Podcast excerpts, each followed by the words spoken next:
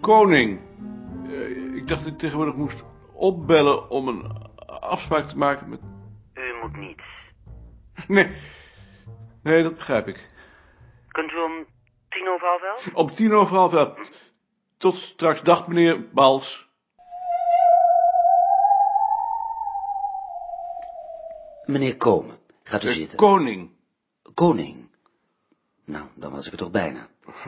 Hoe gaat het? Eh, Goed. Eh, dat wil zeggen m- matig. Vertelt u eens. Ik voel me al een week of drie beroerd. Hoofdpijn, keelpijn, koorts. Niet veel, 37,9, maar eh, hinderlijk. Mag ik soms eens in uw keel kijken? Ja, zegt u maar A. A. A. A. Ja, doet u uw mond maar weer dicht. U had eigenlijk wat eerder moeten komen. eh, ja.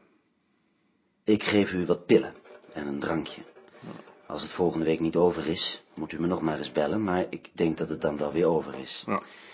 Ik wou bovendien uw nierfuncties eens laten onderzoeken. Daarvoor geef ik u een briefje mee. Als de koorts is gezakt, gaat u daarmee naar het artsenlaboratorium op de Willemsparkweg. U weet waar dat is. Eh, ja.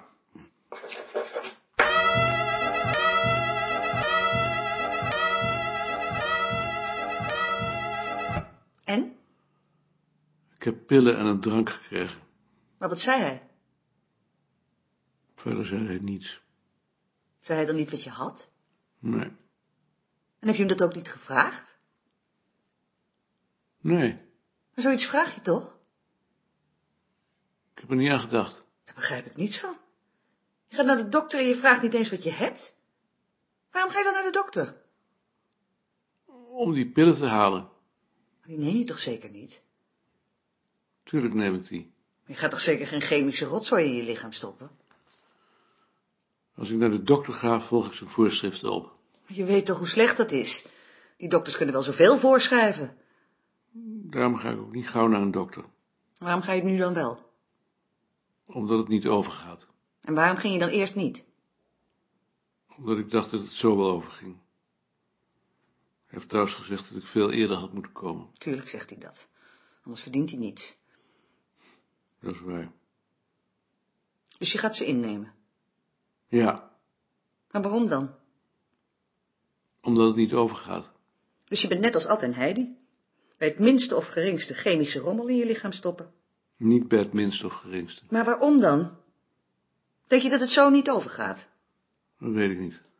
Je moet er toch een reden voor hebben? Het gaat niet over. En dan stop je je maar vol met chemische rommel. Wat gebeurt er dan als je het niet doet? Weet ik niet. Dus je doet gewoon maar wat zo'n dokter zegt. Als ik naar zo'n man toe ga, dan ga ik toch vervolgens niet tegen hem indokteren. Maar ik begrijp het niet. Er moet toch een reden voor zijn? Waarom laat je het niet gewoon overgaan? Omdat het niet overgaat. Hoe weet je dat? Dat het nou drie weken duurt en gewoon weer opnieuw begint. Maar wat doet dat ertoe? Waarom loop je er dan niet gewoon mee door? Je bent toch geen mimel? Je bent toch niet als Ad en Heidi? Waarom loop je er niet gewoon mee door? Wat kan er gebeuren als je gewoon doorloopt? Weet ik niet. Maar je moet daar toch een reden voor hebben. Omdat de dokter zegt dat ik er niet gewoon mee moet doorlopen. Waarom dan niet? Is dat dan niet goed? Weet ik niet. Misschien kan het dan chronisch worden. Chronisch? Of je kunt allerlei vervelende complicaties krijgen. Kanker of zo. Kanker? Dus ik krijg kanker. Omdat ik het verdom om die rotzooi in te nemen, daarom krijg ik kanker. Ik zeg toch niet dat jij kanker krijgt? Kanker! Waar haal je die onzin van? Hoe weet jij dat? Heb je dat soms ergens gelezen? Net als Ad en Heidi soms. Jij bent toch geen dokter?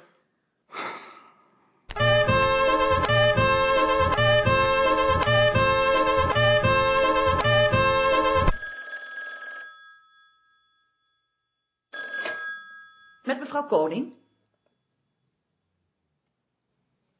Dat is Rie. Ze vraagt of een paar mensen van het bureau even langs kunnen komen. Kan dat? Ja, dat kan wel. Ja, dat kan wel. Goed. Tot straks.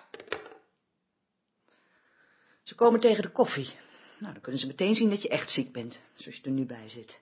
Wie komen er? Weet ik niet, dat zei ze niet. Nou, Ik ga even naar de bakker om wat bij de koffie te halen. Ja. Hij dacht aan haar opmerking dat ze nu konden zien dat hij echt ziek was. Nu hij zich van het effect bewust was, kreeg het het karakter van een demonstratie en dat maakte hem onrustig. Hij zat ook niet meer zo lekker en hij was er ook niet zeker van dat hij niet net anders zou zijn gaan zitten als er niet was opgebeld. Dat maakte het zo ingewikkeld dat hij zonder verder nadenken het witte kussen terugbracht naar de slaapkamer, zich verkleedde en de andere kussens weer op hun plaats legde. Waarom heb je dat gedaan? Dat weet ik niet. Maar nu zien ze niet dat je echt ziek bent. Ik ben ziek. Dat moeten ze dan maar aannemen. Als ik ziek ben, ben ik ziek. En dan hoef je toch niet te doen alsof je niet ziek bent? Ik dacht dat jij met vakantie was. Ik was ook met vakantie. Ben je op je vakantie ziek geworden soms? Voor meneer. Jezus, een fruitmand. Willen jullie niet gaan zitten? Sine heeft ze gekocht en Lee en Rie hebben hem samengesteld. Willen jullie alle drie koffie? Het is meesterlijk. Jitske drinkt alleen thee. Nee hoor, ik, ik wil ook best koffie. Je kunt ook thee krijgen, hoor. Nee, geef mij ook maar koffie. We waren al een week thuis. We zijn eerder teruggekomen omdat we weg zijn geregend. Oh, daar ben je natuurlijk ziek van geworden. Dat denk ik niet. Gert, jij was hier nog nooit geweest, hè? Ik ik vind jouw boekenkast heel indrukwekkend. Je bedoelt intellectueel. Ja, dat ook natuurlijk. Wie is dat nou? Josephine. Die komt van Prinsen Eiland. Daar hebben ze er bij een verhuizing gewoon op straat laten zitten. Jullie hebben toch nog twee katten? Achter je. In de manden. Oh ja. Zo, Hoe gaat het op het bureau? Goed hoor. Je wordt niet gemist. Jawel hoor. Maar niet door jou. Nee, Jij leeft helemaal op. ja, helemaal. en hier is een plak cake. En je moet van iedereen de groeten hebben natuurlijk. En beterschap. Dank je. Doe iedereen de groeten terug. Ehm, eh, heb- ehm, hebben, eh, hebben ze die draaideur nou al weggehaald? Hoe was het afscheid van Meijerink eigenlijk? Oh, dat was niks. Nou, ik vond het wel aardig. Wat heeft hij gekregen? De geschiedenis der Nederlanden. Dat zou ik ook wel willen hebben als ik met pensioen ga. Wist jij al dat Wim Bosman naar het ministerie gaat? Ja? En op de afdeling die over het hoofdbureau gaat. Dan kan hij ons lekker dwars zitten. Wie is Wim Bosman ook weer? Eh, dat is die jongen die toen bij muziek heeft gesolliciteerd en die ze niet wilde hebben omdat hij te katholiek was. Ja? Ja, ja dan ben jij helemaal ontsnapt. Je hebt geluk gehad. Ja, ja of niet. Of niet? Ehm, en hoe gaat het nou met de mappen? Loopt dat een beetje?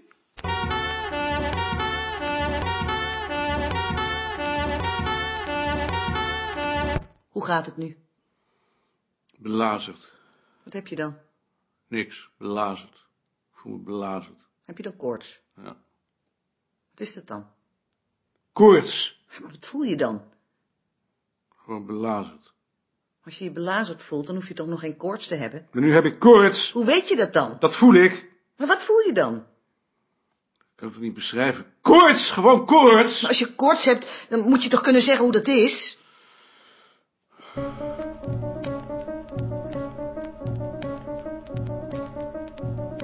In het donker werd hij plotseling overvallen door de gedachte dat hij misschien niet lang meer te leven had. Dat bezorgde hem een gevoel van paniek die hij met moeite onder controle hield. Hij was klaarwakker. Nicolien sliep. Buiten stormde het. Een zware noordwesterstorm. Van het dak vielen stukken steen op het glas van de lichtkroker. Het raam rammelde. In huis werd gelopen, zoals zo vaak midden in de nacht. Boven zijn hoofd klonken voetstappen. Hij ging op zijn rug liggen om beter op te kunnen letten. Zijn hart klopte onregelmatig. Geen enkele geruststellende gedachte. Zover hij kon denken was er angst.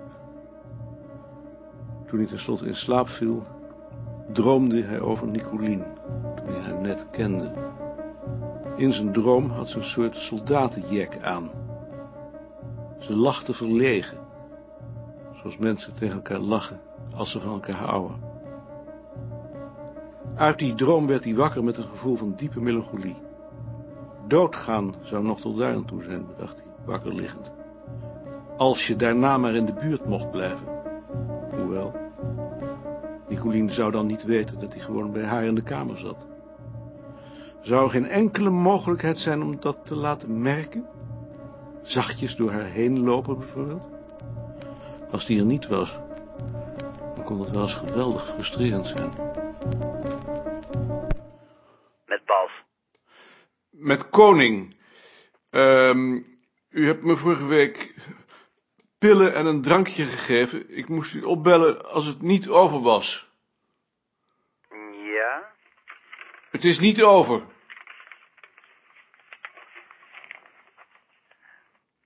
Dan zal ik u andere pillen geven. Andere pillen? Ja. U hebt een keelwandontsteking.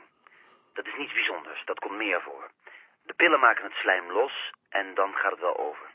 Eh, En die koorts dan, is dat van die ontsteking?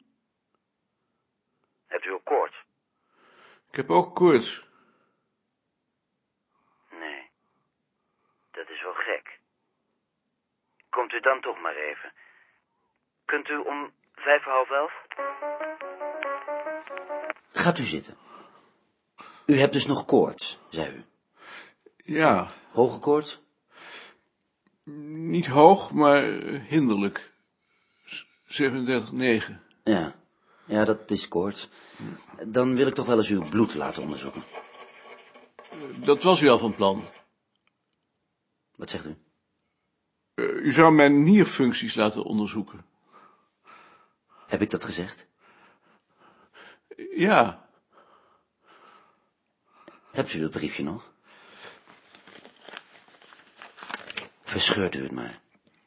Ik zal een nieuwe schrijven. voor mijn nierfuncties? Nee, niet voor uw nierfuncties, die zijn wel in orde. Ik wil er wel eens weten hoe het met uw bloedbezinking staat.